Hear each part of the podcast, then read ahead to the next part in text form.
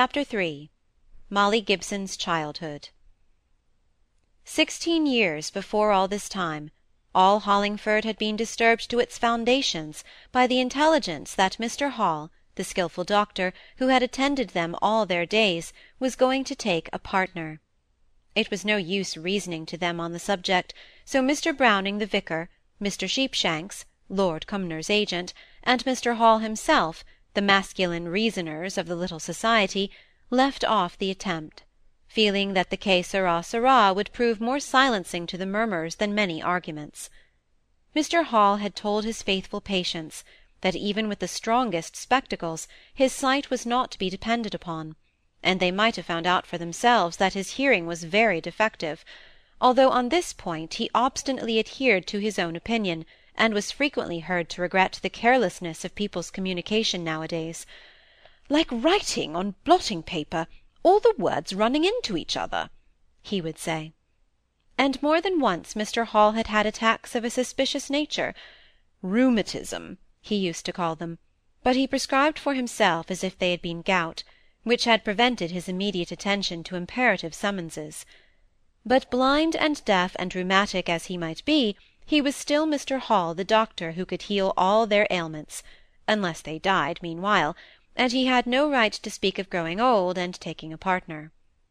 He went very steadily to work all the same, advertising in medical journals, reading testimonials, sifting character and qualifications, and just when the elderly maiden ladies of Hollingford thought that they had convinced their contemporary that he was as young as ever, he startled them by bringing his new partner, Mr. Gibson, to call upon them and began, slyly, as these ladies said, to introduce him into practice. And who was this Mr. Gibson? they asked, and Echo might answer the question if she liked, for no one else did. No one ever in all his life knew anything more of his antecedents than the Hollingford people might have found out the first day they saw him: that he was tall, grave, rather handsome than otherwise, thin enough to be called a very genteel figure in those days, before muscular Christianity had come into vogue, speaking with a slight Scotch accent, and as one good lady observed, so very trite in his conversation, by which she meant sarcastic. As to his birth, parentage, and education, the favourite conjecture of Hollingford society was that he was the illegitimate son of a Scotch duke by a Frenchwoman, and the grounds for this conjecture were these: he spoke with a Scotch accent therefore he must be Scotch; he had a very genteel appearance, an elegant figure, and was apt, so his ill-wishers said, to give himself airs; therefore his father must have been some person of quality; and that granted, nothing was easier than to run this supposition up all the notes of the scale of the peerage. Baronet, baron, viscount, earl, marquis, duke. Higher they dared not go, though one old lady, acquainted with English history, hazarded the remark that she believed that one or two of the Stuarts had not always been quite correct in their conduct, and she fancied such things ran in families. But in popular opinion, Mr. Gibson's father always remained a duke, nothing more. Then his mother must have been a Frenchwoman, because his hair was so black, and he was so sallow, and because he had been in Paris. All this might be true, or might not, nobody ever knew, or found out anything more about him than what Mr. Hall told them; namely that his professional qualifications were as high as his moral character, and that both were far above the average, as Mr. Hall had taken pains to ascertain before introducing him to his patients.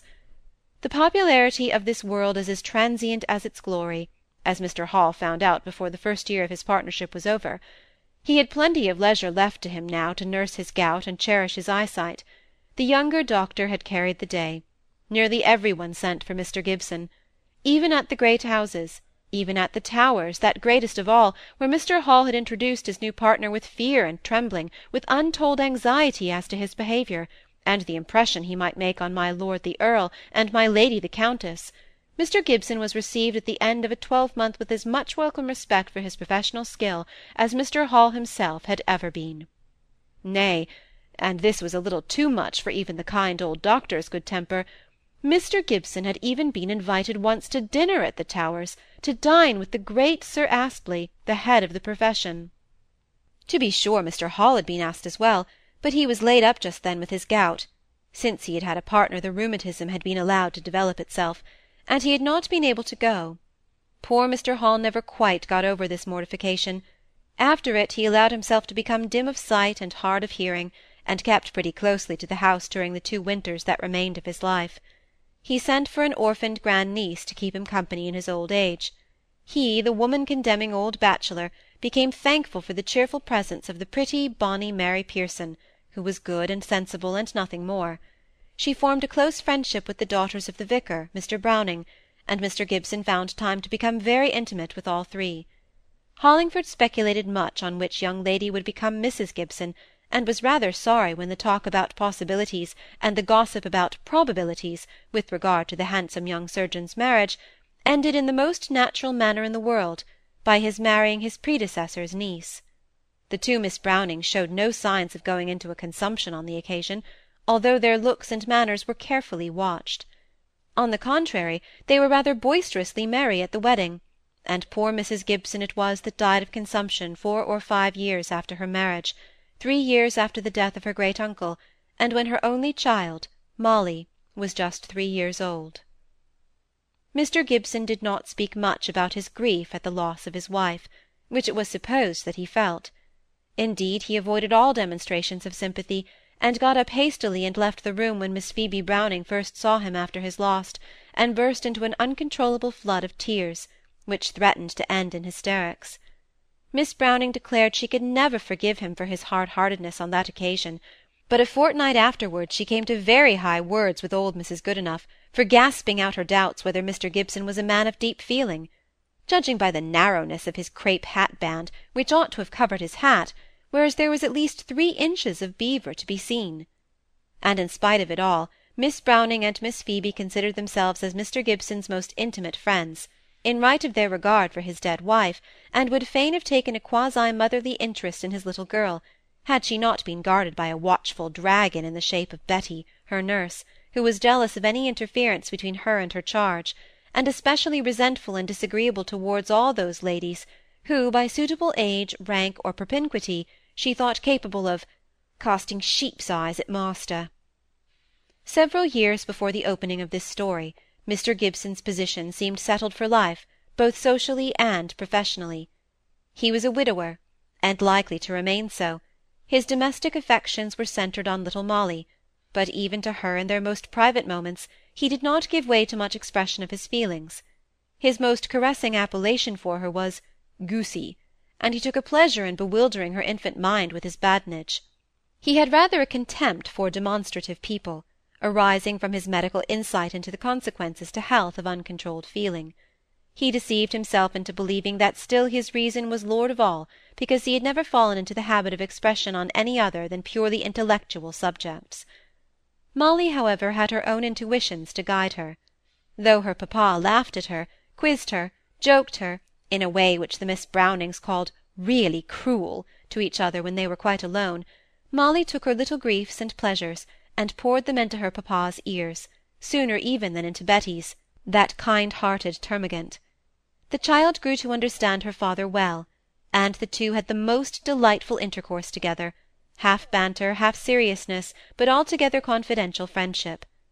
Mr. Gibson kept three servants, Betty, a cook, and a girl who was supposed to be housemaid, but who was under both the elder two, and had a pretty life of it in consequence.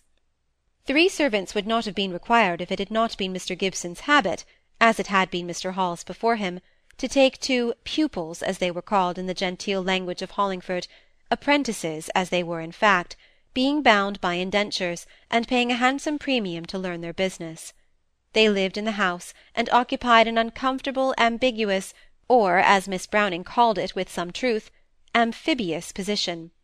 They had their meals with Mr. Gibson and Molly, and were felt to be terribly in the way, Mr. Gibson not being a man who could make conversation, and hating the duty of talking under restraint. Yet something within him made him wince, as if his duties were not rightly performed, when, as the cloth was drawn, the two awkward lads rose up with joyful alacrity, gave him a nod, which was to be interpreted as a bow, knocked against each other in their endeavours to get out of the dining-room quickly, and then might be heard dashing along a passage which led to the surgery, choking with half-suppressed laughter. Yet the annoyance he felt at this dull sense of imperfectly fulfilled duties only made his sarcasms on their inefficiency, or stupidity, or ill manners, more bitter than before. Beyond direct professional instruction, he did not know what to do with the succession of pairs of young men, whose mission seemed to be to be plagued by their master consciously, and to plague him unconsciously. Once or twice Mr. Gibson had declined taking a fresh pupil, in the hopes of shaking himself free from the incubus, but his reputation as a clever surgeon had spread so rapidly that his fees, which he had thought prohibitory, were willingly paid, in order that the young man might make a start in life with the prestige of having been a pupil of Gibson of Hollingford. But as Molly grew to be a little girl instead of a child, when she was about eight years old, her father perceived the awkwardness of her having her breakfasts and dinners so often alone with the pupils, without his uncertain presence. To do away with this evil, more than for the actual instruction she could give, he engaged a respectable woman, the daughter of a shopkeeper in the town, who had left a destitute family, to come every morning before breakfast, and to stay with Molly until he came home at night, or, if he was detained, until the child's bedtime. "No, Miss Eyre," he said, summing up his instructions the day before she entered upon her office. "Remember this: you are to make good tea for the young men, and see that they have their meals comfortably, and uh, you are five and thirty, I think you said. Uh, try and make them talk rationally, I am afraid is beyond you or anybody's power, but make them talk without stammering or giggling. Don't teach Molly too much. She must sew and read and write, and do her sums, but I want to keep her a child, and if I find more learning desirable for her, I'll see about giving it to her myself. After all, I'm not sure that reading or writing is necessary. Many a good woman gets married with only a cross instead of her name. It's rather a diluting of mother wit, to my fancy. But, however, we must yield to the prejudices of society, Miss Eyre, and so you may teach the child to read. Miss Eyre listened in silence, perplexed, but determined to be obedient to the directions of the doctor, whose kindness she and her family had good cause to know. She made strong tea, she helped the young men liberally in Mr. Gibson's absence, as well as in his presence, and she found the way to unloosen their tongues, whenever their master was away, by talking to them on trivial subjects in her pleasant homely way. She taught Molly to read and write, but tried honestly to keep her back in every other branch of education. It was only by fighting and struggling hard that bit by bit Molly persuaded her father to let her have French and drawing lessons. He was always afraid of her becoming much too educated, though he need not have been alarmed. The masters who visited such small country towns as Hollingford forty years ago were no such great proficients in their arts. Once a week she joined a dancing class in the assembly room at the principal inn in the town, the George; and being daunted by her father in every intellectual attempt, she read every book that came in her way, almost with as much delight as if it had been forbidden. For his station in life Mr. Gibson had an unusually good library; the medical portion of it was inaccessible to Molly, being kept in the surgery, but every other book she had either read or tried to read. Her summer place of study was that seat in the cherry-tree where she got the green stains on her frock that have already been mentioned as likely to wear Betty's life out. In spite of this hidden worm in the bud, Betty was to all appearance strong, alert, and flourishing. She was the one crook in Miss Eyre's lot, who was otherwise so happy in having met with a suitable well-paid employment just when she needed it most. But Betty, though agreeing in theory with her master when he told her of the necessity of having a governess for his little daughter, was vehemently opposed to any division of her authority and influence over the child, who had been her charge, her plague, and her delight ever since Mrs. Gibson's death. She took up her position as censor of all Miss Eyre's sayings and doings from the very first, and did not for a moment condescend to conceal her disapprobation.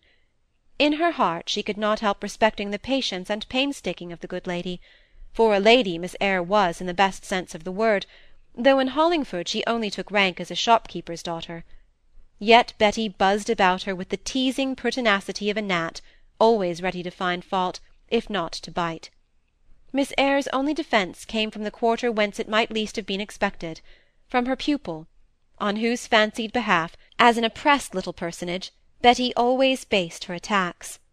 But very early in the day Molly perceived their injustice, and soon afterwards she began to respect Miss Eyre for her silent endurance of what evidently gave her far more pain than Betty imagined.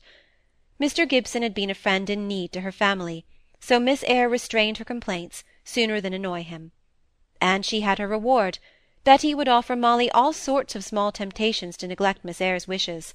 Molly steadily resisted, and plodded away at her task of sewing or her difficult sum. Betty made cumbrous jokes at Miss Eyre's expense.